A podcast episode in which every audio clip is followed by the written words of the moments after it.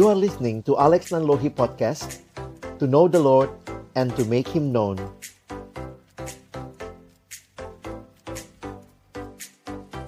Sekali lagi kami menaikkan pujian kami untuk karya kasih-Mu yang sungguh luar biasa di dalam hidup kami.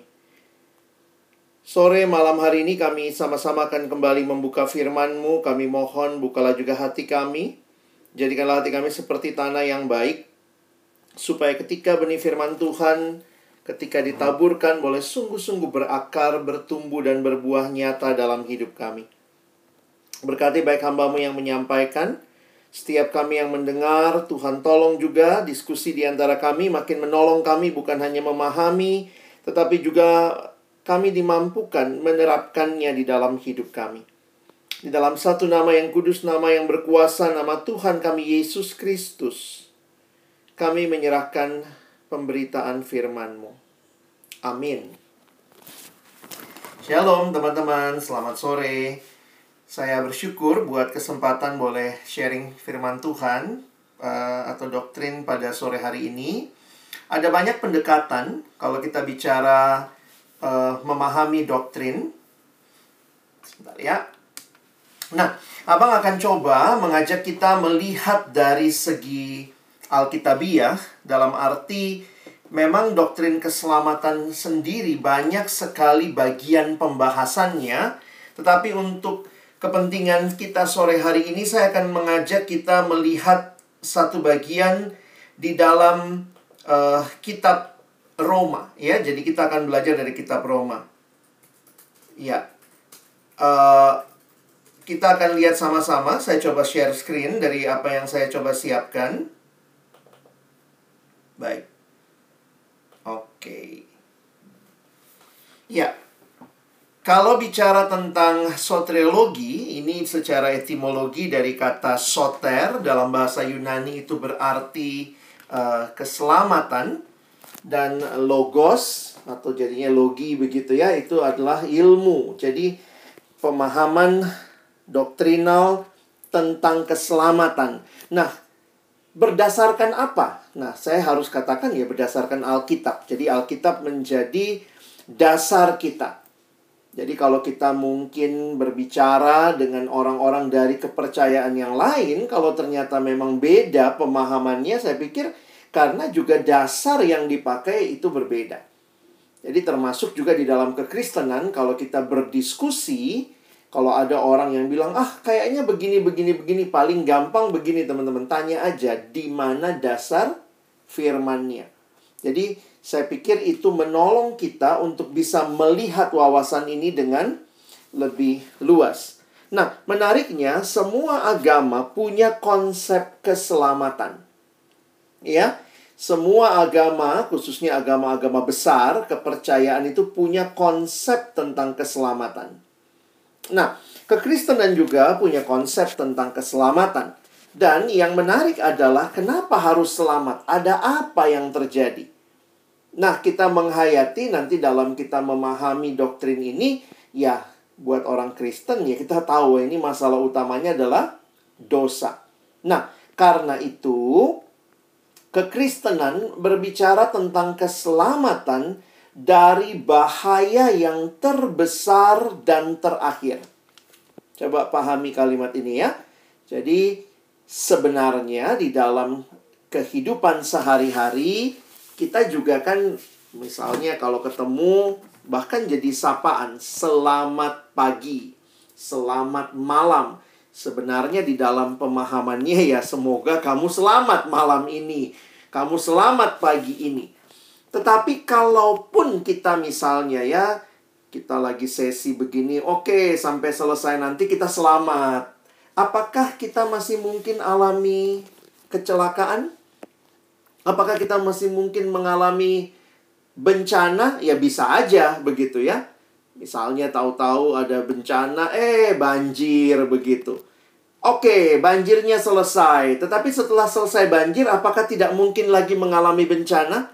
Jadi di dalam kita hidup selalu kita selamat di sebuah waktu, sesudah itu ada ancaman lagi. Sesudah itu ada kondisi-kondisi lagi yang membuat kita merasa ya nggak selamat. Nah, karena itu kekristenan tidak hanya bicara selamat dalam hal-hal yang sementara sekarang, tetapi kekristenan berbicara tentang keselamatan dari sebuah bahaya yang terbesar, bukan banjir, bukan listrik mati, bukan angin puting beliung, bukan tsunami, tetapi maut. Bahaya yang terbesar dan terakhir, ya istilahnya kalau udah selamat dari itu, udah selamat terus gitu ya. Makanya kita berbicara soal keselamatan kekal. Kita nggak bisa bilang kamu bebas banjir hari ini, besok nggak mungkin ngalamin banjir lagi. Lusa nggak mungkin banjir lagi. Jadi masih selalu gitu ya. Habis selamat, eh bisa celaka lagi. Habis selamat bisa celaka lagi. Kekristenan sekali lagi berbicara selamat dari sebuah bahaya yang terbesar dan terakhir. Nah, karena itu kalau kita memperhatikan di dalam kaitan doktrin soteriologi ini, ini menjadi pusat dalam kekristenan juga mengerti tentang keselamatan di dalam Kristus. Ya, nanti kita coba lihat sama-sama di mana posisinya gitu ya Kristus di dalam bagian ini. Kenapa? Nah, coba pikir beginilah ya. Semua kepercayaan dan agama-agama besar biasanya berbicara keselamatan itu dikaitkan dengan sebuah petunjuk. Lakukan ini, ini petunjuknya supaya selamat. Ikuti resep ini, ikuti aturan ini, lakukan ini, lakukan itu. Selalu bicara tentang apa yang harus kita lakukan. Tetapi kekristenan berbicara keselamatan, berbicara tentang Yesus. Makanya kalimat yang menarik mengatakan kekristenan bukan sekadar agama. Agama itu punya ritual, agama itu punya ajaran yang menyelamatkan kita orang Kristen bukan ritual Kristen. Kamu dibaptis, kamu ke gereja itu tidak menyelamatkan. Karena kalau begitu juru selamatmu apa? Ritualmu. Kekristenan, keselamatan kita bukan juga berdasarkan ajaran jadi kalau kita hafal ajaran tertentu, kita hafal ayat tertentu pasti selamat. Oh tidak. Karena kekristenan, keselamatannya berpusat bukan kepada ajaran, bukan kepada ritual, tetapi kepada pribadi Yesus. Beda ya? Tidak ada pendiri agama mana pun minta dia supaya dijadikan Tuhan di dalam hidup. Kalau perhatikan keselamatan dalam ajaran lain, selalu bicaranya ikuti ini, lakukan ini supaya kamu selamat. Kekristenan gimana supaya selamat? Terima Yesus. Sederhana ya. Bukan ajarannya, tapi Yesusnya. Nanti kalau kita sudah terima Yesus, maka ajarannya baru make sense buat kita. Karena ngapain ikutin ajarannya kalau kamu tidak terima yang menyelamatkannya? Makanya bukan ritualnya, tetapi ketika kamu udah terima Yesus, maka kamu kemudian dibaptis. Itu sebagai respon, bukan sebagai syarat keselamatan. Oke? Bisa dipahami ya?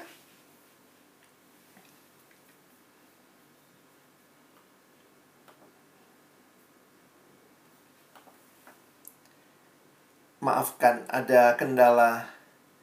Abang ada kendala sinyal tadi ya. Baik, sekarang bisa dengar ya? Bisa jelas lagi? Baik. Oke, jadi keselamatan dalam kekristenan berpusat pada pribadi, bukan ajaran, bukan ritual. Sementara di dalam kepercayaan lain, pusat keselamatan biasanya dikaitkan dengan ritual tertentu atau mengikuti ajaran tertentu. Bukan berarti kita membuang ritualnya, kita membuang ajarannya, tetapi ritual Kristen tidak menyelamatkan, ajaran Kristen pun tidak menyelamatkan karena yang menyelamatkan adalah Yesus yang adalah satu-satunya Tuhan dan juru selamat. Bisa dipahami? Ya? Oke. Jadi ini menarik kalau kita perhatikan bahwa oh beda banget ya kekristenan. Ya memang beda. Makanya ini kabar baik. Kenapa? Karena kabar buruknya manusia selalu merasa bisa menyelamatkan dirinya. Perhatikan, kalau kamu lakukan ritual dan kamu selamat, siapa juru selamatnya?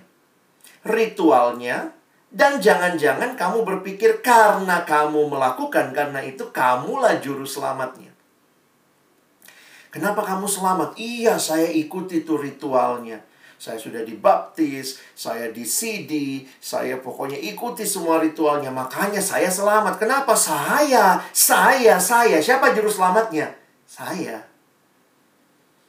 Tapi kekristenan bukan begitu. Juru selamatnya ya Yesus. Bukan saya gitu ya. Nah, pemahaman ini yang kalau kalian baca di banyak bagian di Alkitab sebenarnya sangat jelas ya. Nah, hari ini Abang mengangkat dari kitab Roma Roma pasal yang ketiga. Nah, ini ayat-ayat yang biasa kita baca. Saya mau ajak nanti kalau kalian punya Alkitab cetak silakan buka juga tapi semua ayatnya Abang udah tulis. Saya akan kelompokkan yang pertama ini lihat ya. Roma 3 ayat 23 sampai 28 itu nyambung. 23, 24, 25, 26, 27, 28. Lalu nanti Abang ambil Roma 6 ayat 23. Ya ayat-ayat yang kita sudah biasa, sudah kenal, tapi kadang-kadang kita cuma baca Roma 3:23 dan Roma 6:23. Ya, nah saya ajak kita baca seluruhnya. Baik, kita lihat ya. Karena semua orang telah berbuat dosa dan telah kehilangan kemuliaan Allah. Dan oleh kasih karunia telah dibenarkan dengan cuma-cuma karena penebusan dalam Kristus Yesus. Kristus Yesus telah ditentukan Allah menjadi jalan pendamaian karena iman dalam darahnya. Hal ini dibuatnya untuk menunjukkan keadilannya karena ia telah membiarkan dosa-dosa yang telah terjadi dahulu pada masa kesabarannya. Maksudnya, ialah untuk menunjukkan keadilannya pada masa ini supaya nyata bahwa ia benar dan juga membenarkan orang yang percaya kepada Yesus. Jika demikian, apakah dasarnya untuk bermegah? Tidak ada. Berdasarkan apa? Berdasarkan perbuatan. Tidak. Melainkan berdasarkan iman. Karena kami yakin bahwa manusia dibenarkan karena iman dan bukan karena ia melakukan hukum Taurat. Roma 6 ayat 23, perhatikan. Sebab upah dosa ialah maut, tetapi karunia Allah ialah hidup yang kekal dalam Kristus Yesus Tuhan kita. Nah, teman-teman yang dikasih dalam Tuhan Yesus Kristus, pertanyaan berkaitan dengan keselamatan dalam kekristenan yang paling dasar adalah pertanyaan ini nih. Keselamatan itu anugerah. Anugerah itu berarti dikasih. Ataukah perbuatan baik? Itu jasa. Ya, karena saya lakukan ini, makanya saya dapat itu.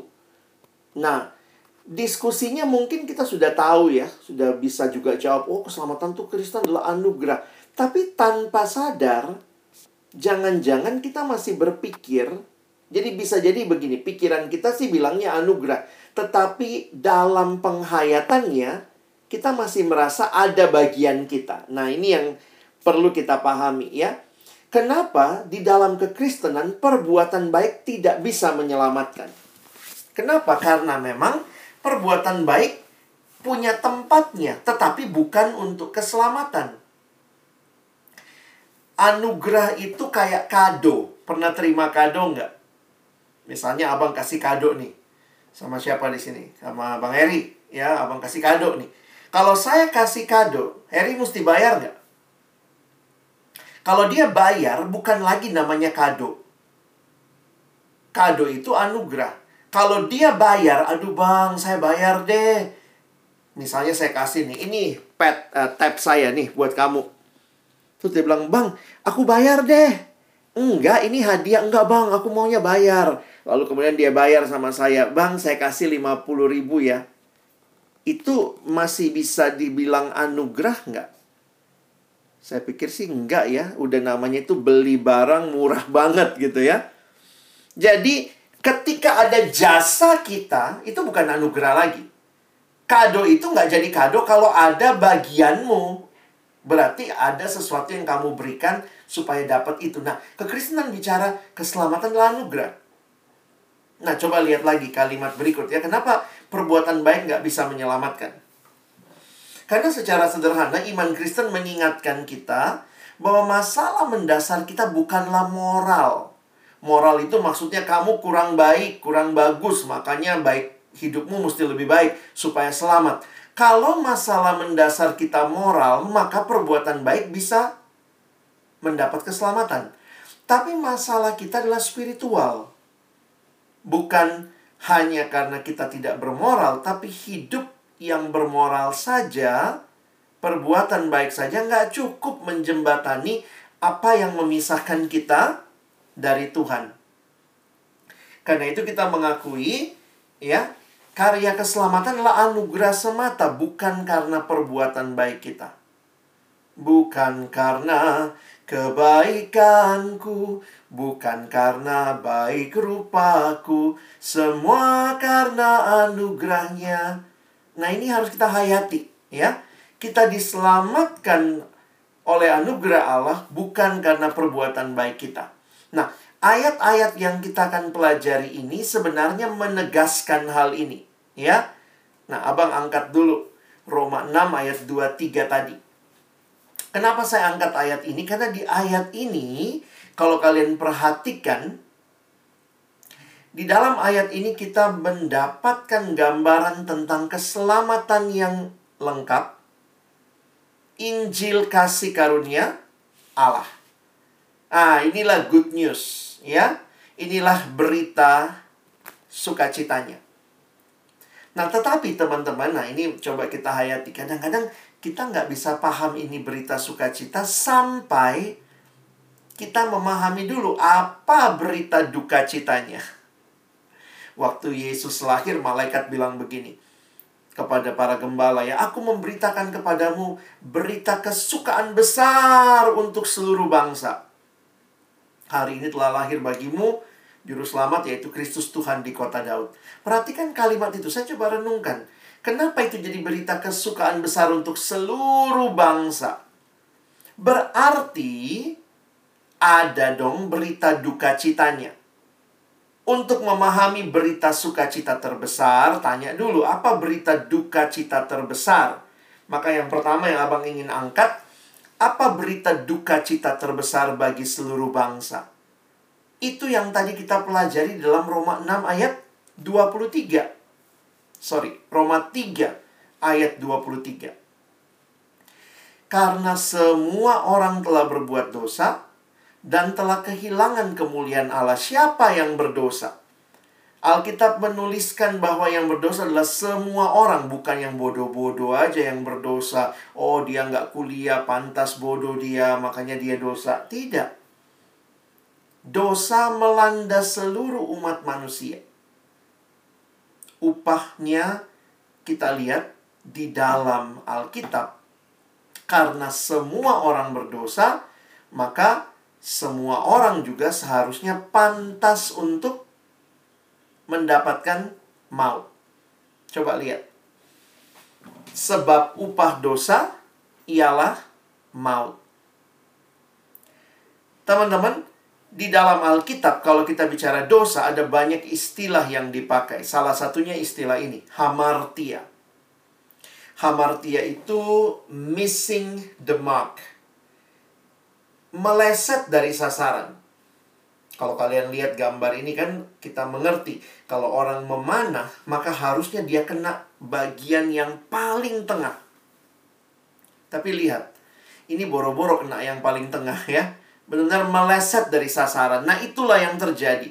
Ketika Allah menciptakan manusia, Allah harusnya jadi pusat karena Dia pencipta. Maka manusia harusnya menyembah Allah, tetapi manusia berontak kepada Allah. Harusnya Allah segala-galanya. Manusia berkata, "No, I am everything." Akulah segala-galanya. Sehingga di dalam dosa, harusnya manusia fokus kepada Allah, eh meleset malah fokus sama diri sendiri. Makanya ada yang bertanya, how do you spell sin? S I N.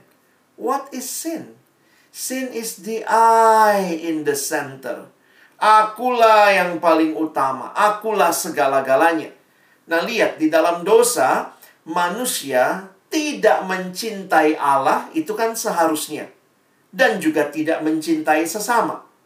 Jadi lihat dosa meleset dari sasaran. Kita itu dicipta untuk mengasihi Allah, mengasihi sesama. Begitu jatuh dalam dosa, Allahnya dibuang, sesamanya dibuang.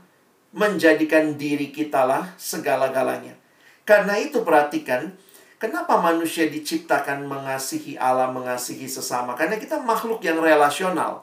Karena itu kalau bicara dosa, dosa itu tidak pernah berdiri sendiri.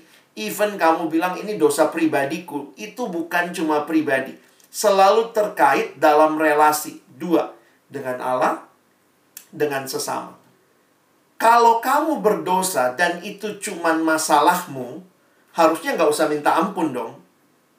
Aduh bang, aku cuma nonton porno kok. Nggak ada yang dirugikan, cuma diriku. Nah itu sekarang kita suka denger ya.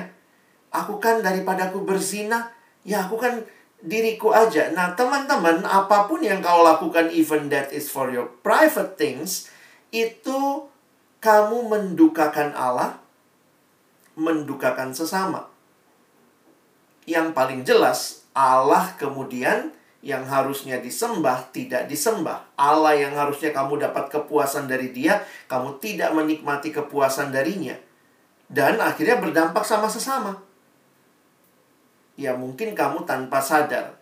Ketika pornografi menguasai pikiranmu, maka kamu ketika lihat orang lain yang ada di film porno itu, di gambar porno itu membangkitkan hasratmu, kamu telah merendahkan harkatnya dan martabatnya. Walaupun kamu bilang, tapi dia memang pemain film porno kok bang. Ya, tetapi kamu merendahkan tanpa kamu sadari dan dia sendiri pun merendahkan dirinya dengan cara seperti itu. Jadi dosa itu selalu ada kaitannya dengan Allah dengan sesama, sadar atau tidak. Dosa itu sifatnya relasional.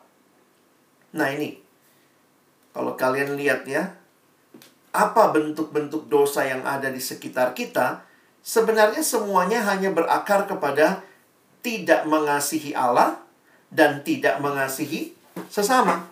Nah, karena itu kita bisa melihat bagaimana manusia di dalam dosa ini gambarannya adalah seperti orang yang ada dalam lumpur hidup, teman-teman ya. Makin bergerak, makin dinikmati, makin dalam dia tenggelam. Dikasih ilustrasi dosa itu ya kalau kita biarkan dalam kehidupan seperti yang Tuhan bilang sama Kain ya, dosa itu mengintip di depan pintu. Kalau kalian membayangkan ini ceritanya tentang orang di padang pasir. Orang Arab di padang pasir itu katanya kalau malam tuh dingin banget. Kalau siang tuh panas banget.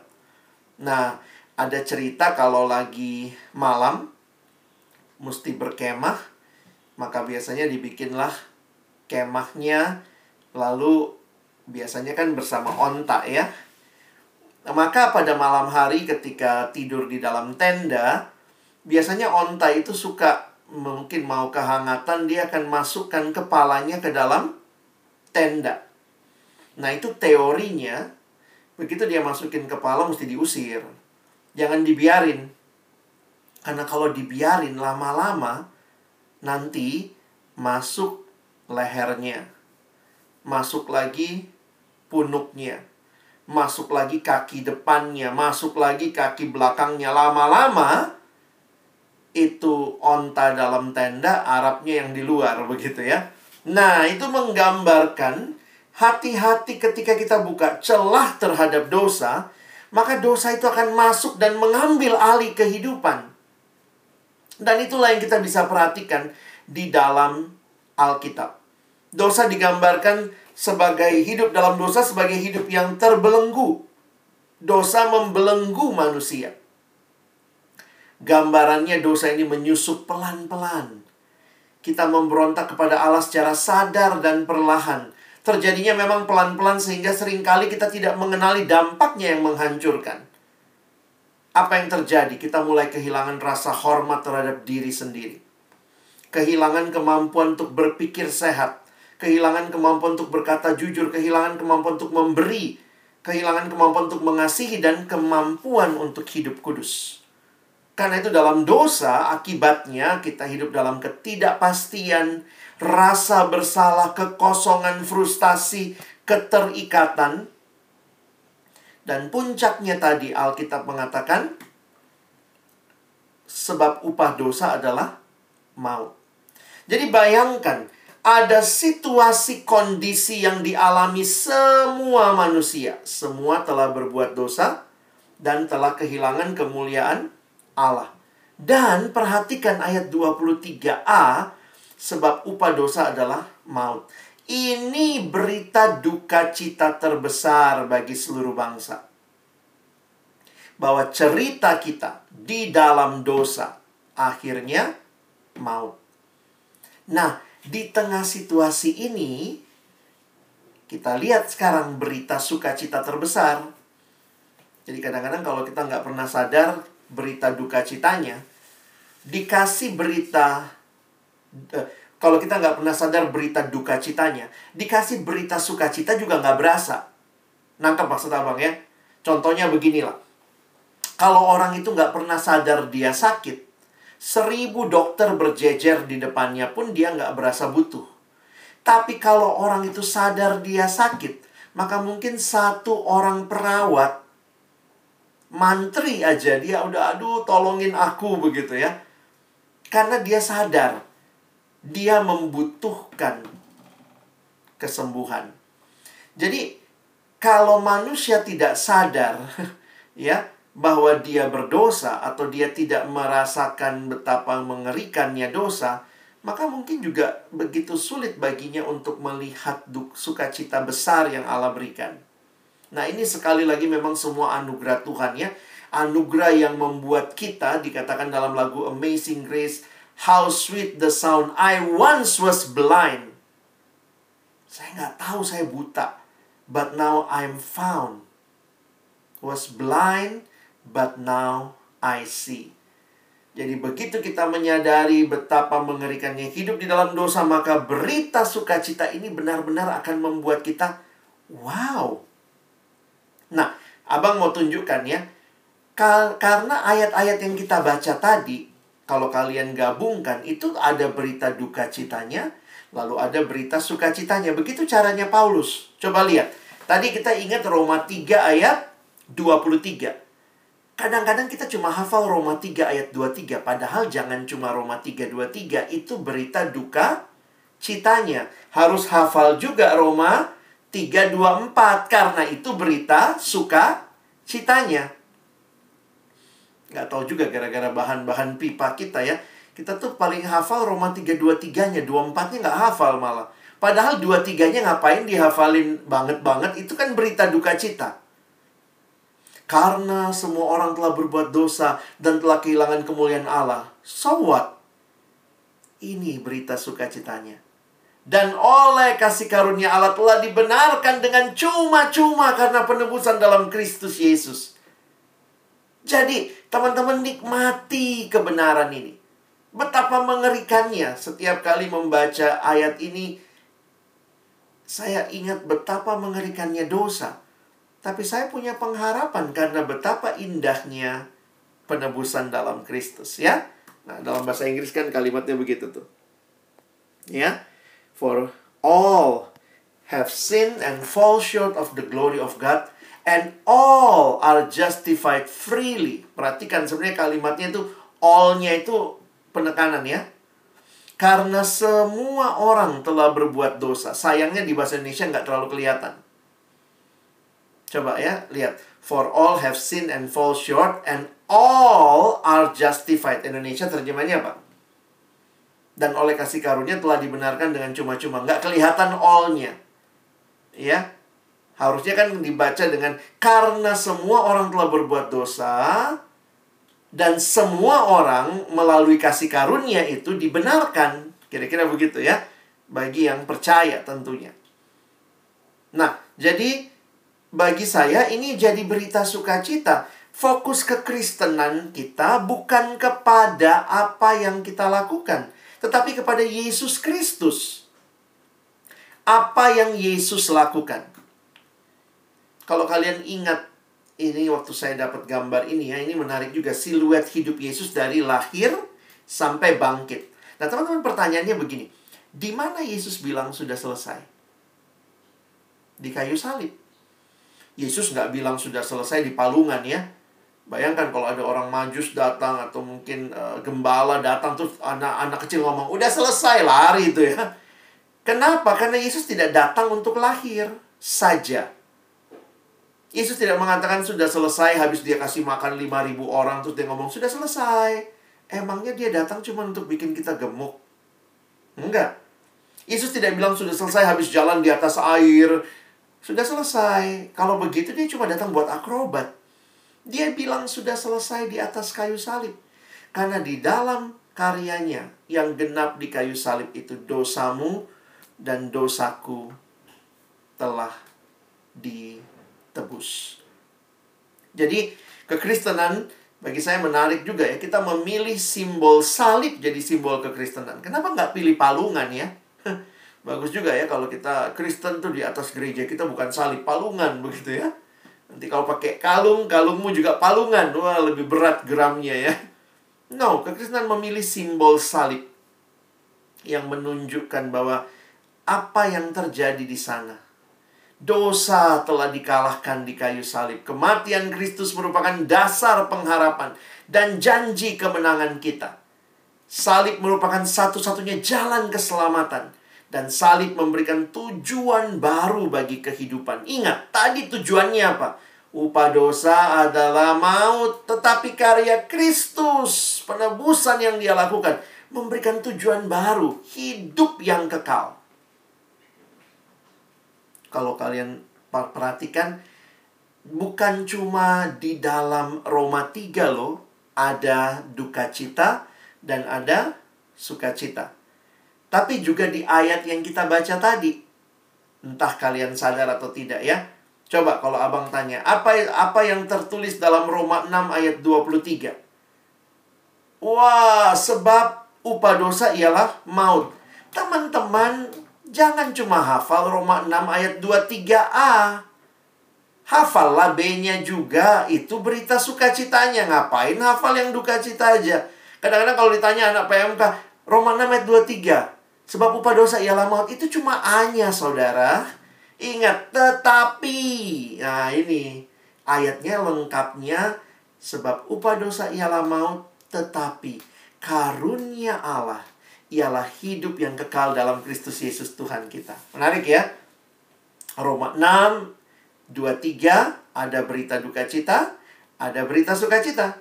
Roma 3 ayat 23 berita duka cita, ayat 24 berita sukacita. Ini menunjukkan bahwa pusat keselamatan kita lihat ya, karunia Allah ialah hidup kekal dalam bukan dalam ajaran, bukan dalam ritual, tapi dalam seorang pribadi yaitu Yesus. Dosa itu masalah kita, tapi solusinya dari mana? Dari Allah. Jesus Christ, the God solution for our sin. Kita nggak bisa selesaikan dosa kita. Tidak ada ritual yang bisa menye- me- me- menyucikan dosa kita. Hanya seorang pribadi yang datang menyerahkan nyawanya bagi kita. So searching for the answer to life, Jesus, you have found him. Nah, makanya kalau kalian perhatikan kalimatnya tanpa kita uh, kita coba lihat sebentar ya. Di dalam terjemahan bahasa Indonesia masa kini, bagi abang dia memberikan penekanan ini ya. Sebab kematian adalah upah dari dosa. Tetapi hidup sejati dan kekal bersama Yesus Kristus Tuhan kita adalah pemberian yang diberikan oleh Allah dengan cuma-cuma. Lihat ya. Dia menggarisbawahi kata cuma-cuma di situ. Sebenarnya ini juga muncul nanti kita lihat ya. Kita lihat di bagian bawahnya. Nah, kalau tadi kita pelajari Roma 3, maka bagaimana cuma-cumanya? Itu yang sebenarnya dijelaskan di ayat-ayat yang kita akan baca selanjutnya. Kalau kalian perhatikan balik ke Roma 3 tadi, sebenarnya ada tiga istilah atau tiga frasa yang perlu kita ingat yang dituliskan di Roma 3 ayat 23 sampai 26. Ini mau menjelaskan apa? Pertama ada istilah penebusan itu muncul di ayat 24 Lalu muncul juga istilah jalan pendamaian ayat 25 dan istilah pembenaran ayat 24 dan 26. Coba sekarang Abang jelaskan sedikit ya. Apa yang sedang coba dijelaskan oleh ayat-ayat ini? Dia Paulus sedang menjelaskan apa maksudnya bahwa karya Kristus itu cuma-cuma. Apa maksudnya bahwa karya Kristus itulah yang bisa membawa kita kepada keselamatan? Paulus itu pinter teman-teman ya. Mungkin kalau sekarang hidup juga masuk stand dia ya. Nah, pinternya Paulus itu dia mencoba gambarkan keselamatan yang Yesus bawa dengan tiga frasa ini. Ya. Nah, coba lihat ayat 24 penebusan ya. Nah, ini lihat ayatnya. Ada ya? penebusan. Kalian lihat itu? Abang bikin warna merah di situ. Oke. Lalu ada istilah jalan pendamaian itu muncul di ayat 25. Oh, di ayat 24 juga ada istilah pembenaran ya. Jadi ada penebusan, ada pembenaran di ayat 24. Nah, ini muncul ya 24 penebusan, pembenaran. Di ayat 25 muncul kata jalan pendamaian Nanti pembenaran muncul lagi di ayat 26. Coba lihat sekarang ayat 25 26. Yesus jalan pendamaian. Ya. Yesus membenarkan bahwa Yesus benar, bahwa ia benar dan juga membenarkan. Jadi Yesus jalan pendamaian. Yesus membenarkan. Terus tadi apa tuh? Yesus menebus. Jadi kalian lihat ya, siapa yang aktif? Yesus. Dia menebus, dia jalan pendamaian, dia membenarkan. Kenapa dipakai tiga istilah ini? Nah, kita pelajari ya satu-satu ya. Tiga istilah ini, tiga frasa ini menunjukkan apa yang Yesus lakukan. Ini adalah gambaran figuratif dari apa yang Yesus lakukan. Jadi Paulus itu yang abang bilang tadi ya, dia pinter, dia coba menggambarkan dari berbagai istilah. Dia pakai istilah perdagangan. Dalam perdagangan ada istilah menebus. Kalau ada sebuah benda terjual tergadai, maka ada yang mengambil atau menebus dengan membayarkan sejumlah uang atau dia tukar barang supaya benda itu kembali jadi milik. Perhatikan, Paulus bilang, kita itu seperti orang yang ditebus. Nah, siapa yang menebus? Nah, dia ini yang dia bilang, yang menebus kita tuh Yesus. Ya. Jadi kalau ada barang yang ditebus dan ada penebus, siapa yang dapat kreditnya? Siapa yang dapat kemuliaannya? Yang ditebus atau yang menebus? Siapa yang harus dimuliakan? Yang ditebus atau yang menebus? Ya jelas yang menebuslah. Jadi Paulus bilang Yesus itu gambarannya dia menebus kita. Lalu dia pakai istilah kedua, jalan pendamaian. Nah, istilah ini kalau kalian P akan lebih mendalam, nanti bisa lihat di NIV Study Bible, lihat di beberapa komentari. Jalan pendamaian ini, ini istilah agama. Maksudnya apa? Di perjanjian lama, ada satu istilah yang dipakai atau disebut dengan jalan pendamaian atau tutup pendamaian. Loh, apalagi tuh Bang? Memang dalam kalimat ini Paulus mengutipnya dari perjanjian lama tetapi dengan istilah jalan pendamaian. Tetapi istilah aslinya itu adalah tutup pendamaian. Kalau kalian masih ingat ada tabut di perjanjian lama. Nah, Tuhan bilang sama Musa ya, Musa, kau nanti bikin tabut di dalamnya taruhlah loh batu itu yang berisi firman, lalu taruh tongkat segala macam. Nah, terus Tuhan bilang begini, tapi ingat, kau nggak boleh lihat langsung ke dalam tabut itu atau bahkan pegang mati nanti kamu. Jadi akhirnya Tuhan minta, Tuhan suruh sama Musa. Musa bikin tutupnya. Tutup pendamaian. Nah, tutup pendamaian itu membuat akhirnya manusia yang melayani di tabut itu tidak langsung lihat dalamnya tabut. Karena kalau langsung lihat, mati. Nah, Paulus pakai istilah itu. Paulus bilang ini, kamu tahu Yesus? Yesus itu, dia seperti tutup pendamaian buat kamu. Jadi Yesus itu gini, kalau Allah lihat manusia langsung, kita kan berdosa. Maka Allah lihat manusia berdosa langsung maut, nggak ada. Tetapi Yesus jadi tutup pendamaian sehingga waktu Allah melihat kita, dia melihat Yesus yang menjadi jalan pendamaian kita. Bisa nangkep ya, makanya kenapa dibilang ini istilah agama. Jadi lihat ya, Paulus cuma mau bilang Yesus loh, juru selamatnya, dia pakai gambaran penebusan. Kamu tuh ditebus sama Yesus.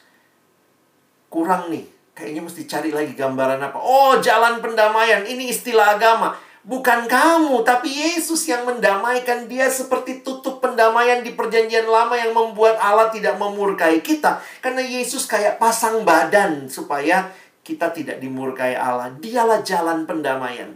Siapa yang harus dipuji? Ya yang melakukan pendamaian itulah yang pasang badan di situ.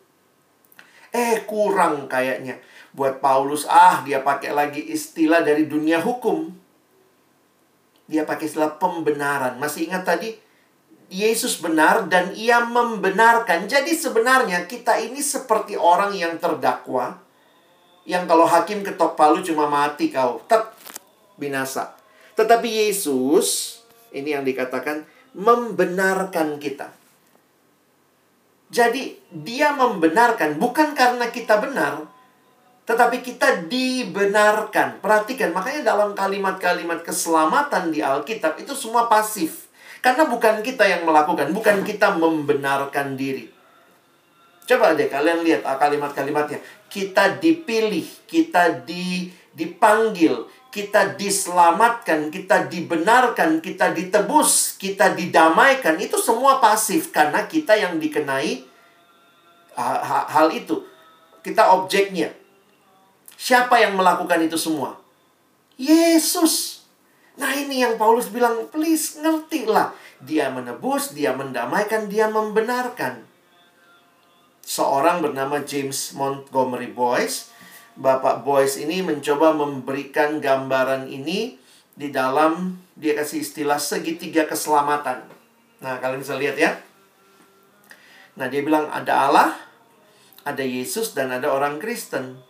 Nah, lihat semua panahnya mengarah ke mana? Kalau lihat-lihat ya semua panahnya kan mengarahnya ke orang Kristen sebenarnya ya. Yesus betul ya ke Allah gitu ya.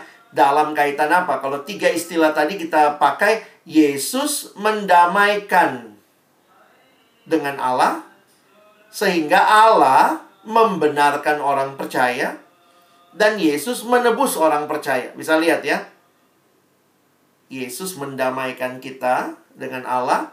Karena itu Allah membenarkan kita dan Yesus menebus kita. Jadi sebenarnya siapa yang berkarya? Yesus. Semua ini adalah karyanya dia. Dia mendamaikan, dia menebus, dan Allah kemudian membenarkan. Nah, nah saya nggak bisa jelasin semua. Ini ada ada ininya semua ya. Nah, itulah sebabnya langsung kesimpulannya ya dalam hal keselamatan atau dibenarkan di hadapan Allah, manusia berdosa hanya dapat melakukan satu hal saja. Datang kepada Yesus dengan seluruh catatan hidup kita yang berdosa dan menaruh iman kepadanya, Yesus yang memiliki catatan hidup yang sempurna. Bisa dipahami ya? Makanya sekarang abang tutup ya. Roma 3 ayat 27 28 Paulus tutup juga dengan kalimat ini. Jika demikian, Nah, kalau dalam konteks bacaan, jika kamu ditebus oleh Yesus, jika kamu didamaikan oleh Yesus, jika kamu dibenarkan oleh Yesus, jika demikian, apa dasarnya untuk bermegah? Kamu mau bilang apa lagi? Keselamatan itu dari kamu. Mikir dong gitu kira-kira ya. Nggak ada. Berdasarkan apa? Berdasarkan perbuatan. Tidak. Udah jelas tadi ya, nggak bisa. Kamu nggak ngapa-ngapain kok. Tetapi melainkan berdasarkan iman. Karena kami yakin bahwa manusia dibenarkan karena iman dan bukan karena ia melakukan hukum Taurat. Iman itu apa? Iman itu percaya. Maksudnya begini, percayanya apa? Percaya bahwa yang bisa bawa kamu ke surga itu bukan dirimu, tapi Kristus. Dia yang menebus, dia yang membenarkan. Jadi kita itu diselamatkan bukan karena apa yang kita lakukan, tetapi apa yang Kristus lakukan dan untuk menikmati karya itu kamu dan saya cukup beriman. Atau bahasa lain dalam Injil Yohanes percaya.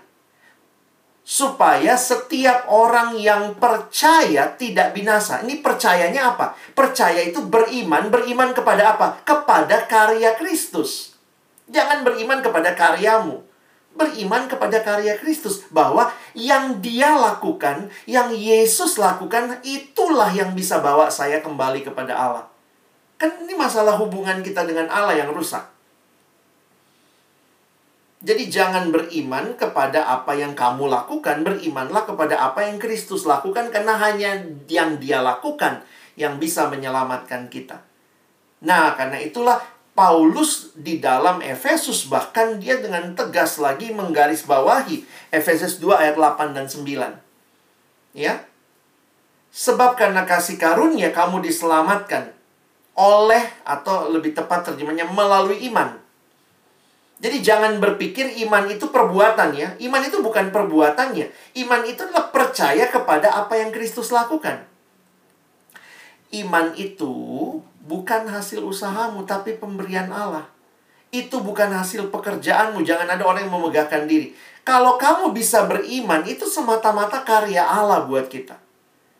Ya, jadi kayak Paulus menegaskan lagi. Makanya kalimat ini jadi menarik ya. Steve Lawson dalam satu kutipannya dia bilang begini, salvation is not a reward for righteous for the righteous, but a gift for the guilty. Kita itu kan berdosa. Bisa selamat itu kasih karunia.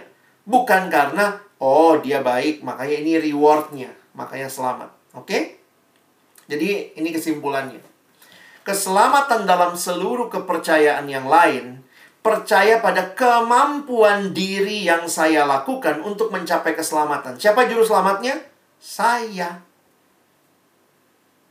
Karena saya percaya, saya beriman pada saya bisa menyelamatkan. Saya sudah berbuat baik, saya sudah lakukan ritual ini dan itu. Kekristenan berkata keselamatan adalah percaya pada apa yang Yesus lakukan. Kamu percaya nggak bahwa kematian dia bisa membawa kamu kembali didamaikan dengan Allah? Waktu kamu katakan, ya Tuhan saya percaya. Yes, kamu selamat. Kamu selamat karena kamu percaya, bukan karena apa yang kamu lakukan. Wah, ini Timothy Keller kasih pemahaman lebih dalam lagi. Religion, agama-agama maksudnya ya, di luar Kristen tentunya. Religion says, earn your life. Agama berkata, uh, usahakanlah hidup itu. Keselamatan kalau kita boleh pakai istilah itu ya. Secular society says, create your life. But Jesus exchanged his life for ours. Di sini bedanya, ya. Keselamatan itu kita terima dari Allah dengan cuma-cuma gratis tapi bukan gratisan. Kadang-kadang banyak orang berpikir enak banget jadi orang Kristen ya. Cuma percaya sama Yesus selamat. Ya emang emang enak. Makanya dibilang berita sukacita. Tapi ada yang bilang nggak mungkin lah. Ini Jakarta, Bung. Pipis aja bayar. Masa keselamatan gratis? Hei, jangan lupa. Kita terimanya gratis, tapi keselamatan kita bukan gratisan. Salvation is free but not cheap. Karena harganya siapa yang bayar? Yesus. Keselamatan itu sangat mahal harganya. Tapi kita dikasihnya cuma-cuma. Abang kasih contoh, ada satu anak minta bapaknya beli mobil. Masih kecil, Pak, beli mobil, Pak. Maunya mobil yang paling mahal 500 juta. Waduh, kamu masih kecil tapi selalu nunjuk maunya mobil itu, Pak. Aku mau nabung. Ah, dia mulai nabung sehari 500 rupiah. Sampai di ulang tahun ke-21 dia masih nabung sehari 500 rupiah. Nggak, nggak, nggak ketutup lah beli mobil itu ya. Wah, pas ulang tahun 21 tahun, papanya kasih, nih kunci mobilnya. Papa belikan kamu mobil itu. Bener, Pak. Ini siapa tahu kuncinya doang. Ada mobilnya, cek di luar. Wih, pas dia keluar bener. Dia bilang, Papa, uh, ini tabungan saya. Ah, udahlah, nggak cukup tabunganmu itu. Jadi Bapak kasih ini gratis buat saya. Gratis, nak. Saya mesti bayar nggak? Enggak, gratis ini buat kamu. Wah, makasih, Pak. Betul ya, anak itu dapat gratis ya. Siapa yang bayar harga mobil yang sangat mahal itu? Bapaknya. Jangan mempermainkan anugerah Allah. Anugerah Allah betul, gratis. Tapi untuk mendapatkan anugerah itu, untuk memberikan anugerah itu sangat mahal harganya. Yaitu harga darah Kristus. Jadi orang yang diselamatkan tidak akan main-main dengan hidup yang diselamatkan seolah-olah ini cuma hal gratisan. Tidak. Nah, mungkin pertanyaan terakhir. Lalu buat orang Kristen di mana letaknya perbuatan baik? Kalau kita diselamatkan bukan karena perbuatan baik, lalu Kristen masih bicara perbuatan baik nggak? Ya, masih. Tapi kita bicara perbuatan baik bukan sebagai syarat keselamatan. No. Karena nggak mungkin dengan usaha kita, perbuatan baik kita bisa beli surga ya. Nggak bisa. Karena itu perbuatan baik menjadi respon dari orang yang sudah diselamatkan. Makanya ada kalimat begini. Kita, maksudnya orang Kristen, orang percaya, diselamatkan bukan karena melakukan perbuatan baik, tetapi kita diselamatkan justru untuk berbuat baik. Jadi, selamatnya gimana? Percaya pada Yesus itu cukup untuk keselamatan. Dan orang yang sudah dipercaya pada Yesus, iman harus berbuah. Karena iman tanpa perbuatan adalah mati. Karena itu harus dinyatakan dengan perbuatan. Salvation always produces works. But works never produce salvation.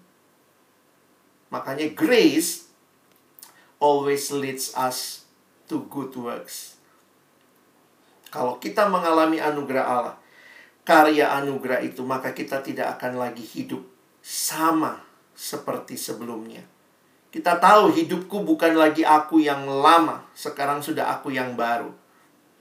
Paulus berkata, siapa yang ada dalam Kristus, ia adalah ciptaan baru yang lama sudah berlalu, sesungguhnya yang baru sudah datang. 2 Korintus 5 ayat 17, This is a new life. Kalau Tuhan sudah selamatkan kita, ingat, keselamatan membawa kita dalam hidup makin hari makin serupa Kristus. 1 Petrus pasal 2 ayat 24 berkata, Iya, Yesus telah memikul dosa kita di dalam tubuhnya di kayu salib supaya kita yang telah mati terhadap dosa, apa yang terjadi? Hidup untuk kebenaran. Kristus mati supaya kita hidup untuk kebenaran. Nyata, keselamatan ini jangan cuma berpikir, wah kita belajar doktrin hari ini. Banyak orang senang cuma perdebatan doktrinnya. Ini gimana bang? Kalau ini begini, saya no problem kalau kalian mau tanya silahkan. Tapi poin saya adalah belajar doktrin keselamatan harusnya memimpin kita bersyukur untuk keselamatan di dalam karya Kristus. Buka hatimu, terima Kristus dalam hidupmu dan ada perubahan hidup. Cara belajarmu, caramu bergaul, kalau sudah pacaran, caramu berpacaran menunjukkan bahwa kamu adalah manusia baru dalam Kristus. Ini yang harusnya terjadi. Jadi ada perbedaan ya. Nah, kalau res sebagai respon jadi ada yang nanya, kalau udah belajar doktrin begini maksudnya gimana bang? Ya kalau saya sih ya terus harus ingat ya, sudahkah kau buka hatimu terima Yesus? Karena keselamatan ini bukan cuma dipelajari, harusnya dialami ya. Kalau betul kekristenan berpusat pada Yesus. Apa artinya terima Yesus? Saya lihatnya dua hal. Terima Yesus itu pertama, percaya. Beriman bahwa Yesus satu-satunya Tuhan dan Juru Selamatmu secara pribadi. Percaya itu kayak gini teman-teman ya. Beriman itu kayak anak yang dia benar-benar berserah kepada bapaknya. Ya tentu ini bapak yang baik ya. Jangan anaknya lompat, bapaknya berpaling lagi ya. Dan terima Yesus itu bukan hanya percaya, tetapi saya melihat ada aspek lain adalah bertobat. Ada hal yang ditanggalkan, ada hal yang dikenakan, ada perubahan hidup. Makanya iman tanpa perbuatan mati. Kalau kamu sungguh-sungguh percaya Yesus, dibuktikan dengan hidupmu. Memang tidak ada yang langsung tiba-tiba sempurna kudus. Ini perjuangan seumur hidup. Paulus menggunakan istilah menanggalkan kayak baju ya, ada yang ditanggalkan, ada yang dikenakan dan ini terus perubahan. Tinggalkan kebiasaan-kebiasaan dosa, buruk, nyontek, bolos, malas, pikiran kotor, perkataan kotor, free sex, porno, dan bangun. Ya, kita bersyukur kita masih punya persekutuan di masa pandemi. Harusnya ada komitmen sungguh-sungguh untuk berubah. Bukan lagi hidup seperti dunia, tapi hidup berbeda dari dunia. Ikan itu katanya kalau ikan yang hidup seumur hidup dia akan berenang melawan arus. Cuma ikan mati yang ikut arus. Dunia punya banyak tawaran, tapi anak Tuhan akan berjuang. Bukan ikut dunia, tapi ikut yang Tuhan mau. Bangun hidup dalam Tuhan, bersyukur kita punya persekutuan. Kiranya ini juga jadi tempat kalian menikmati ya, terus bertumbuh. Jadi doktrin keselamatan bukan sekadar perdebatan teologis, tapi sebuah kehidupan yang harusnya engkau dan saya alami karena Kristus sudah memberikan keselamatan itu bagi kita. Amin. Baik, pertanyaan bagaimana dengan kepercayaan yang lain? Sebagai orang-orang Kristen, kita punya pemahaman dari apa yang kita terima di dalam kitab suci. Kita tidak menggunakan itu untuk menghakimi, tetapi bagi saya itu menjadi sebuah kenyataan yang harusnya mendorong kita memberitakan Injil. Poinnya begini keselamatan kita percaya, kita tahu dari kitab suci hanya ada di dalam Kristus. Makanya Tuhan menyelamatkan kita harusnya menjadi satu kerinduan bagi kita untuk mewartakan berita sukacita itu. Sama seperti gambaran pengemis yang dia tahu dapat makanan yang banyak di sebuah tempat, dan dia tahu teman-temannya yang lain belum dapatkan itu, maka dia akan datang dan menceritakan dan membawa temannya kepada tempat itu. Nah, saya meyakini ya dalam keyakinan saya secara pribadi bahwa Tuhan berikan keselamatan bagi kita bukan hanya supaya kita menikmatinya, tetapi supaya kita juga bisa membagikannya kepada orang lain. Bagaimana kalau mereka belum pernah dengar tentang Tuhan? Sebenarnya kalau kita mau masuk pembahasan lebih dalam, Tuhan punya Ya, kalau orang belum pernah dengar tentang Tuhan, mungkin pertanyaanmu kalau digali lebih jauh bisa jadi begini. Kalau dia nggak pernah dengar tentang Tuhan Yesus, terus nanti dia dihakimi terus masuk neraka. Masa salahnya dia gitu kali ya? Nah, tapi kan logikanya begini upah dosa ialah maut. Nah, siapa yang berbuat dosa? Semua manusia. Jadi kalau ada orang yang tidak pernah kenal Yesus dan dia masuk neraka, itu salah siapa? Ya, yang berbuat dosa kan dia ya. Jadi kalau orang masuk neraka itu karena ya karena upah dosa adalah maut. Nah, mungkin kamu bisa balik. Tapi kan karena dia nggak dengar Yesus. Poinnya, dengar Yesus itu kan anugerah. Tapi terima dulu bahwa kalau kita masuk neraka, kalau kita pun semua masuk neraka, itu wajar. Karena apa? Karena upah dosa adalah maut.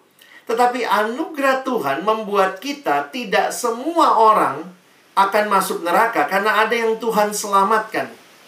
Nah, yang Tuhan selamatkan ini kita kan dapat anugerah. Nah, anugerah itu yang kita tahu adalah Tuhan membawa kita ke dalam relasi yang indah dengan Dia. Nah, ini yang Abang bilang tadi. Supaya apa? Supaya kita juga bisa menceritakan kabar baik ini. Mana tahu ada orang-orang juga yang Tuhan mau bawa dalam anugerah ini. Melalui siapa Tuhan membawa mereka? Saya pikir sih melalui kehadiran kita yang memberitakan Injil kepada mereka.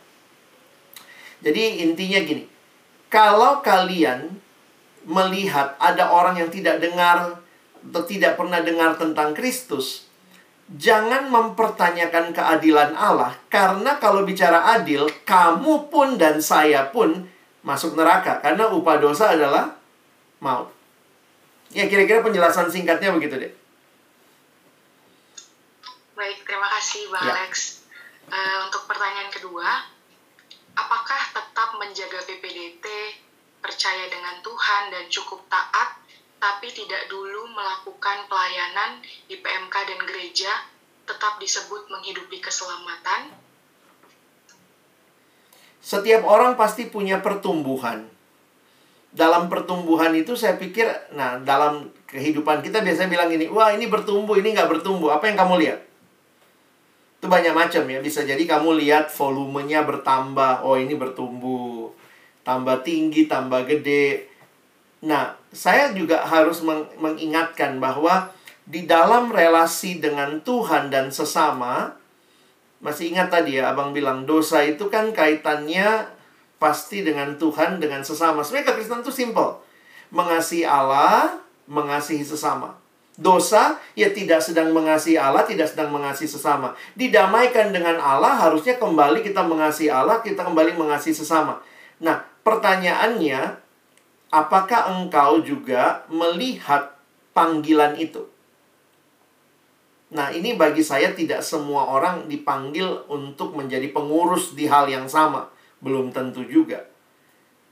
Mana tahu memang Tuhan sedang membawa kamu saat ini bukan dalam kepengurusan. Mungkin kamu belajar untuk jadi berkat di rumah, di kosmu, atau di lingkunganmu. Tapi poin saya adalah jangan bersembunyi di balik kemalasanmu. Jadi sebenarnya ini, aduh, aku tuh belum terlibat ini, belum mau melayani ini, aku ini sebenarnya bertumbuh apa enggak? Ya kamu yang paling tahu jawabannya. Cuman karena males, nggak mau capek, nggak mau beri diri untuk melayani. Karena melayani itu capek, teman-teman.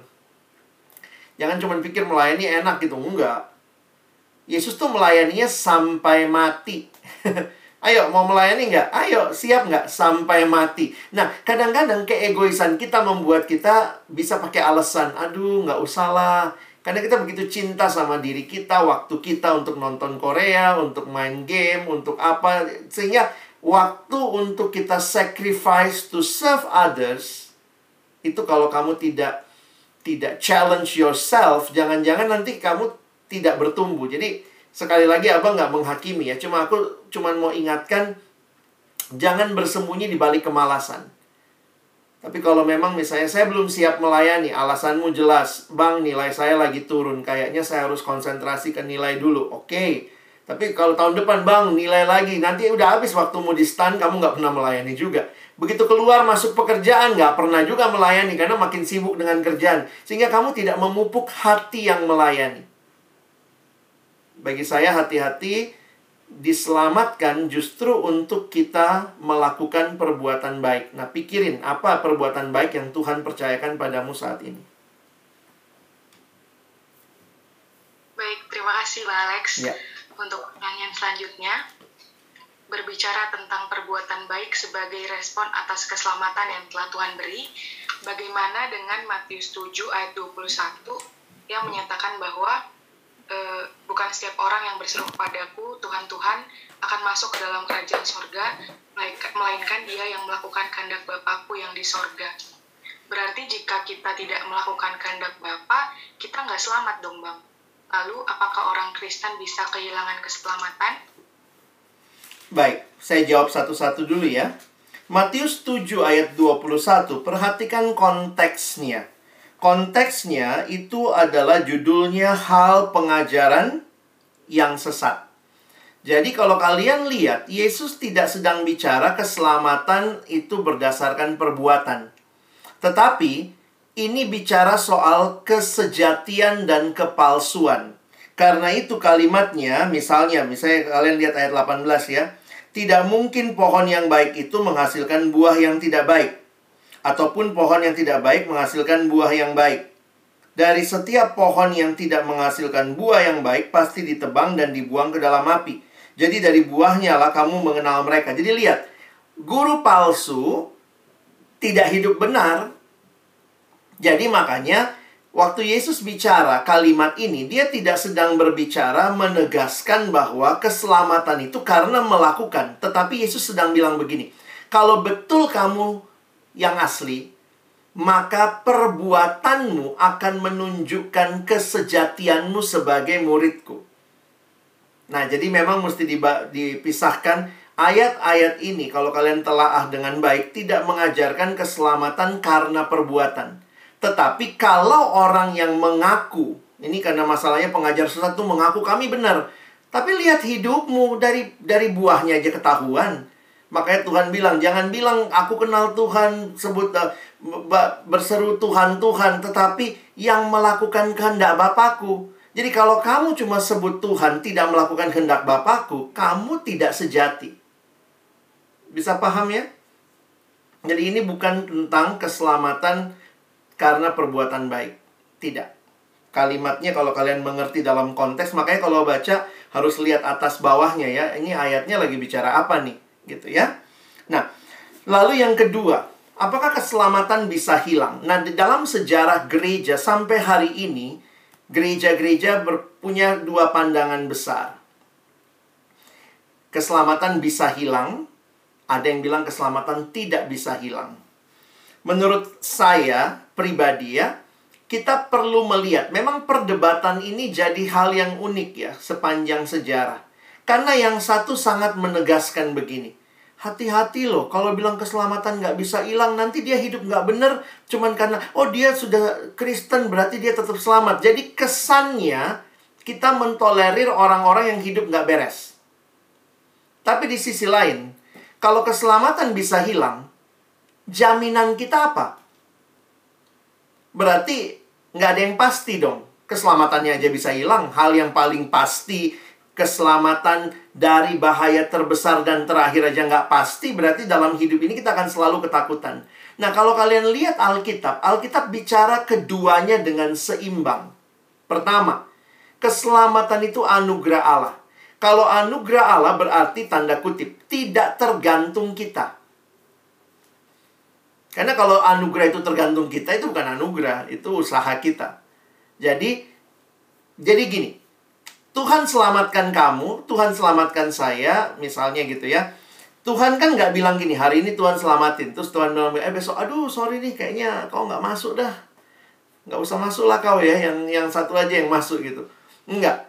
Keselamatan itu pasti bukan karena kita, tapi karena Tuhan.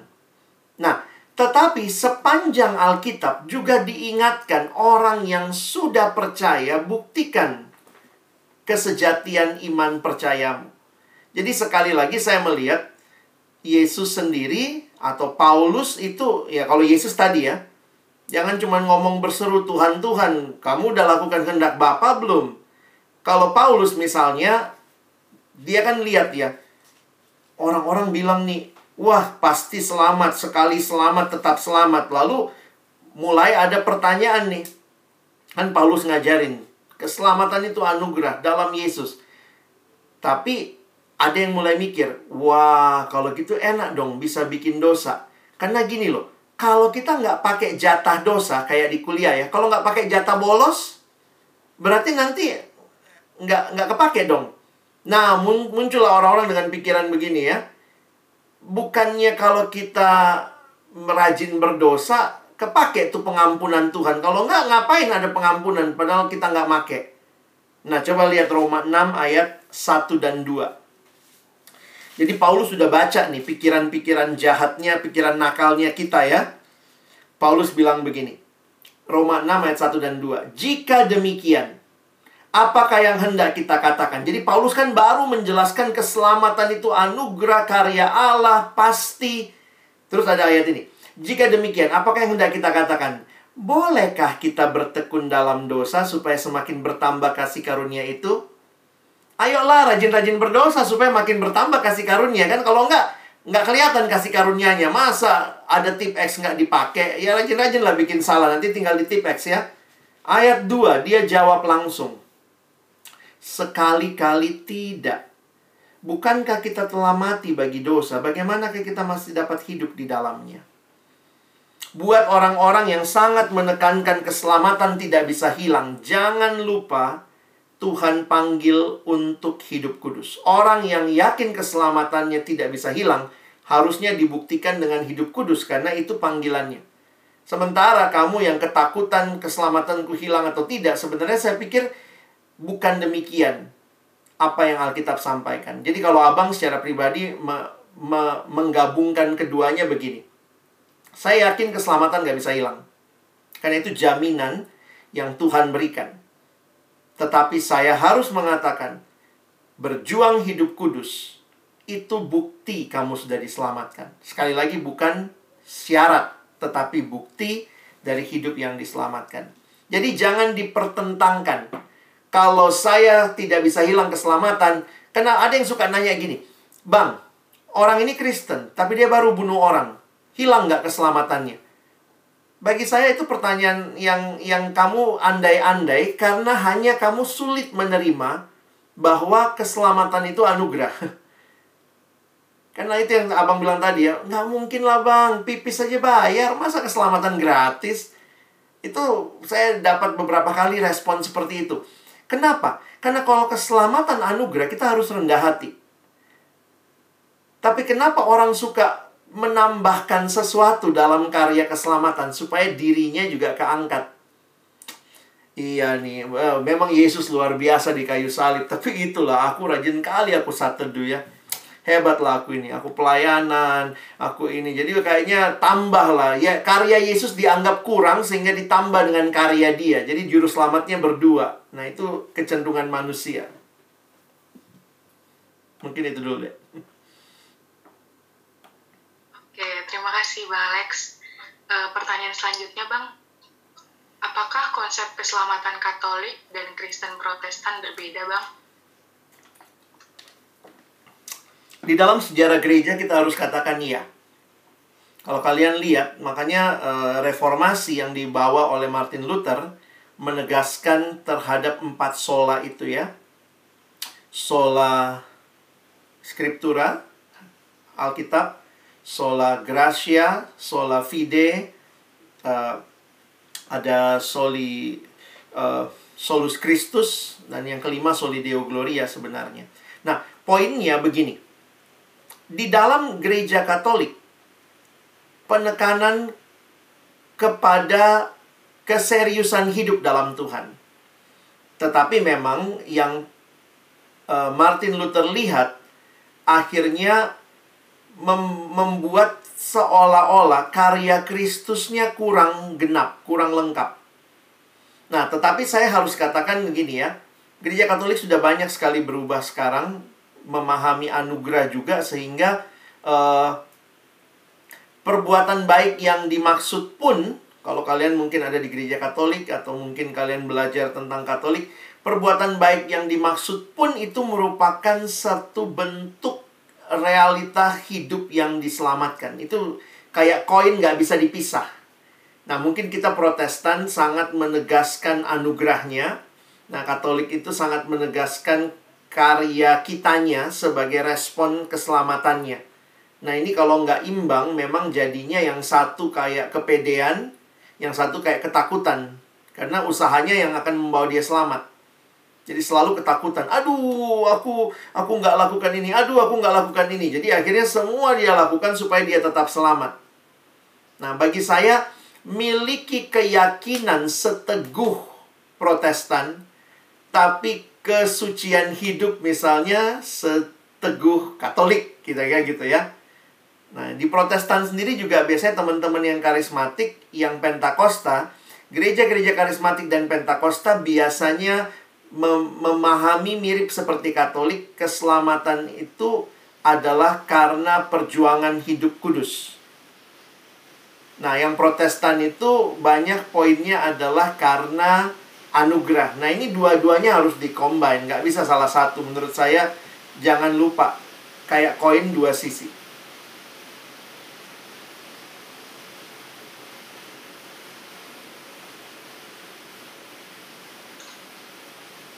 Oke, terima kasih Bang Alex. Uh, ini ada pertanyaan lagi Bang. Uh, anak bayi yang meninggal, apakah mereka tetap selamat? Baik. Sebenarnya dalam kaitan keselamatan kita harus ingat begini ya. Mungkin kalau saya juga ada beberapa pertanyaan yang saya baca tadi. Sebenarnya kalau orang belum pernah dengar Yesus dia bisa selamat nggak? Teman-teman, kalau keselamatan adalah anugerah dan karya Allah, maka Allah bisa melakukan apa pun yang dia mau. Tapi saya juga melihat di dalam sejarah Allah juga memakai orang percaya yang harus memberitakan Injil, membawa kabar baik, hidup bersaksi, hidup benar. Jadi uh, jangan dikotomis, ya. Seolah-olah kalau ini karya Allah nggak ada usaha kita dalam hal memberitakan Injil. Kalau dalam hal keselamatan itu bagian kita memang anugerah Allah, tetapi dalam pemberitaan Injil Jangan karena kita malas beritain Injil, pokoknya Tuhan siapa pun yang kau pilih pasti kau selamatkan. Tanpa aku beritakan Injil pun dia pasti selamat. Itu kita mempermainkan pola yang Tuhan berikan selama ini. Nah, jadi dalam beberapa hal saya juga harus ingatkan jangan sok jadi Tuhan atas orang lain. Ada beberapa orang belajar doktrin, ada yang belajar predestinasi lah, Allah memilih segala macam. Saya nggak terlalu tertarik membahas itu, apalagi buat orang-orang yang habis bahas itu, kemudian lihat-lihat hidup orang. Kayaknya kalau aku lihat tampangmu, kau kayaknya nggak selamat ini, kau nggak dipilih ya. Oh kalau kau ini dipilih, jadi apa gunanya belajar doktrin tapi kemudian itu menjadi penghakiman buat orang lain? Karena itu saya harus katakan begini, sejauh yang Alkitab sampaikan, kita sampaikan. Apa yang Alkitab diam, sebaiknya kita diam. Jadi kalau berkaitan dengan keselamatan bagi anak bayi. Jujur di dalam Alkitab beberapa kisah ada tentang anak-anak dalam rumah tangga juga dibaptis dan seterusnya.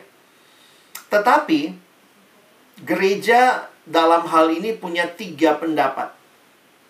Ada yang bilang begini, kalau dia anak orang percaya, maka iman orang tuanya akan menjadi iman dia. Itu yang pertama. Berdasarkan iman orang tuanya. Pendapat kedua, ada yang bilang begini. Kalau dia manusia berdosa, maka sebenarnya seperti yang Daud bilang, sejak di kandungan ibuku, aku pun telah berdosa. Jadi, kalau dia mati, ya dia pasti ke neraka. Jadi yang satu kan ke surga karena iman orang tua. Pendapat kedua dia ke neraka karena ya dia manusia berdosa. Upah dosa adalah maut. Dan itu kita berdosa itu karena natur. Adam Hawa berdosa, maka semua yang lahir di bawah garis keturunan Adam dan Hawa, termasuk bayi, yang bahkan belum bisa melakukan perbuatan dosa, tapi karena naturnya dia lahir dalam garis keturunan manusia yang sudah jatuh dalam dosa, maka dia pun berdosa. Nah, ini pendapat yang kedua. Pendapat ketiga, nah ini pendapat saya, saya lebih setuju dengan pendapat ketiga ini. Udahlah. Lebih baik saya menjawabnya begini ya. Kalau ada bayi yang meninggal, saya tidak tahu dia ke mana. Itu jujur ya. Karena nggak ada petunjuk cukup jelas di Alkitab. Jadi terlalu berani mengatakan dia pasti ke surga, nggak ada dasarnya juga. Bilang dia pasti ke neraka, nggak ada dasarnya juga. Jadi lebih baik jawabnya apa? Saya tidak tahu dia ke mana. Tapi Tuhan tahu tempat yang terbaik buat dia. Nah itu cara menjawab yang membuat kita tetap rendah hati dan tidak menghakimi. Karena memang tidak ada dasar cukup jelas kalau iman orang tua itu iman seolah bisa ditransfer. Iman orang tua bisa jadi iman anak. Itu tidak ada dasar Alkitab yang cukup jelas. Dan kalimat bahwa semua berdosa mati, nanti kita juga merasa, aduh sedih banget. Dia kan belum ngapa-ngapain, masa mati, masuk neraka. Karena hanya karena dia lahir di bawah garis keturunan Adam. Makanya bagi saya lebih baik jawaban pastoral jangan menjadi Tuhan atas orang lain. Saya tidak tahu dia ke mana, tetapi saya yakin Tuhan yang menciptakan dia paling tahu dia ke mana. Mungkin begitu. Terima kasih Bang. Ini ada pertanyaan terakhir Bang. Ya. Uh, orang Kristen yang pindah agama itu gimana ya Bang keselamatannya? Baik, keselamatan harus dilihat di dalam sejarah, dalam kaitan dengan uh, gimana ceritanya ya? Oke, saya saya gambarinya begini. Kita tidak pernah tahu sampai akhir hidup orang itu. Jadi pindah agama bagi saya itu fenomena yang terlihat di luar. Keselamatan orang itu tidak tergantung dia pindah agamanya, tetapi itu harus dilihat sampai akhir hidupnya. Karena itu, keselamatan itu hanya Tuhan yang tahu dan orang itu. Kalau saya menghayatinya begitu. Tapi kita kan nggak tahu. Misalnya ya, dia dia mati nih. Se sebelum meninggal, dia dia Kristen ya. Uh, abang kasih contoh aja nih. Misalnya dia Kristen nih. Eh tiba-tiba dia merit pindah agama. Nah, waktu dia pindah agama kan murtad kan kita bilangnya ya.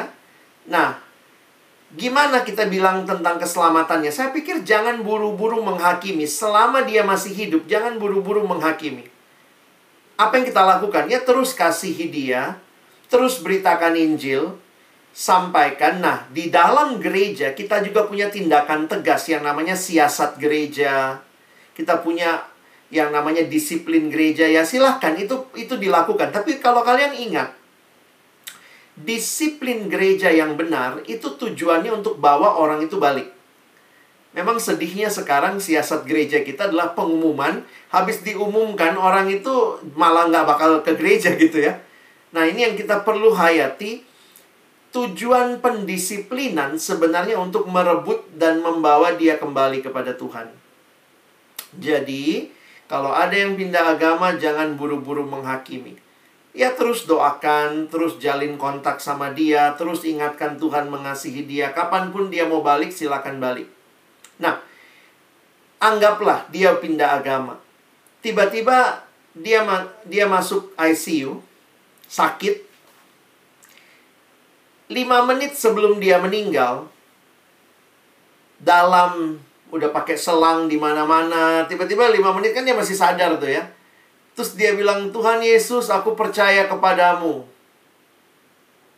Nah, poinnya abang, pertanyaan saya begini. Kalau dia percaya pada Yesus di akhir hidupnya, lalu dia mati, masuk mana?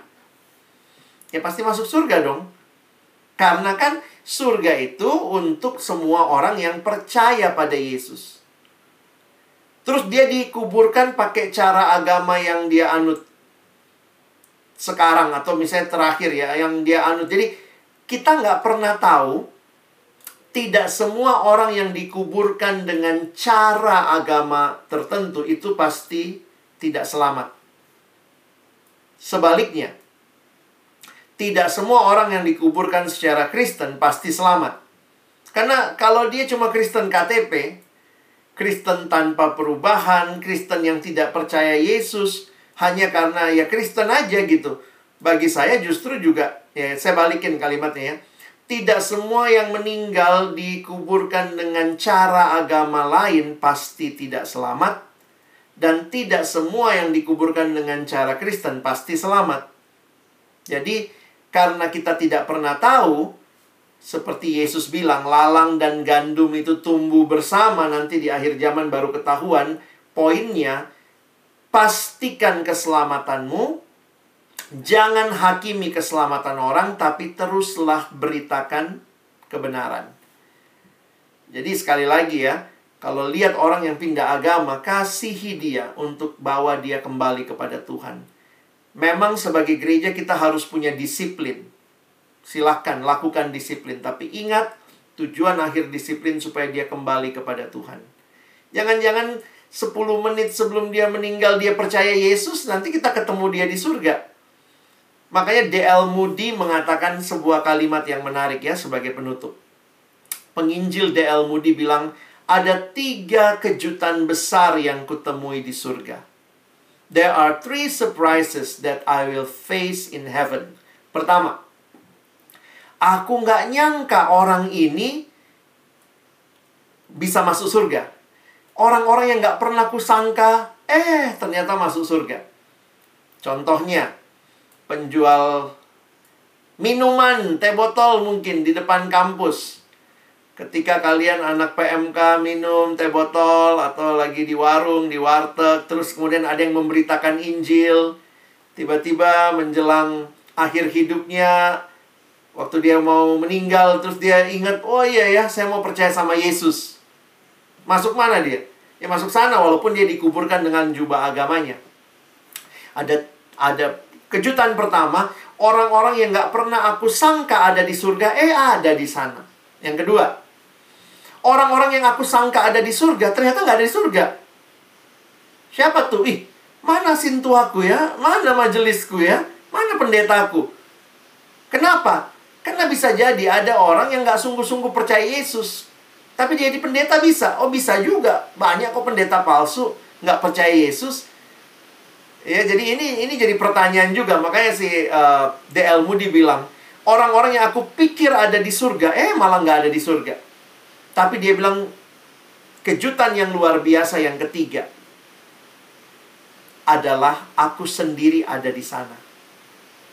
Jadi ini three surprises yang dia bilang yang kita harus antisipasi. Poinnya adalah kita tidak menghakimi keselamatan orang, pastikan keselamatanmu dan terus beritakan kabar baik Jangan-jangan dia orang yang memang Tuhan mau dia masuk ke surga, tapi dia mesti dengar berita Injil dari siapa? Mungkin dari kamu. Mungkin dari teman-temanmu. Jadi karena itu kita terus beritakan Injil. Itu bagian kita. Ya, thank you. Terima kasih Bang Alex. Mungkin bisa tutup sesi firman dalam doa, Bang. Yuk kita berdoa ya. Tuhan terima kasih untuk kesempatan belajar firman-Mu setiap kebenaran dan tolong kami melihat keselamatan bukan sebagai upaya kami menghakimi hidup orang lain, tetapi benar-benar memastikan apakah kami sudah sungguh-sungguh percaya kepadamu dan merindukan kami pun boleh membawa Injilmu bagi orang-orang yang kami temui. Mungkin mereka yang belum di dalam Tuhan. Secara kepercayaan mereka, mereka belum datang kepada Tuhan. Tetapi biarlah berita Injil terus menggelisahkan hati mereka. Sehingga ketika waktunya tiba, Tuhan pakai benih-benih yang pernah mereka dengar untuk membawa perubahan kehidupan, keselamatan di dalammu. Dan bagi kami yang ada di dalam gereja pun, tolong kami sungguh-sungguh percaya kepadamu, supaya gereja juga menjadi tempat di mana kami terus dimurnikan untuk kami hidup bagi Tuhan dan sesama. Sekali lagi terima kasih, tolong adik-adikku semua, kami semua yang belajar akan hal ini makin merendahkan diri, bersyukur buat keselamatan yang luar biasa. Dan kemudian tidak berhenti, tetapi menghidupinya dan bahkan membagikannya. Karena inilah berita sukacita terbesar bagi dunia. Tolong kami untuk boleh membagikannya. Secara khusus di pelayanan mahasiswa, biarlah setiap generasi boleh mendengar Injil, percaya pada Kristus, hidupnya diubahkan. Kami bersyukur untuk karyamu bagi kami, dalam nama Tuhan Yesus yang sudah mati dan bangkit bagi kami. Kami bersyukur, kami berdoa. Amin.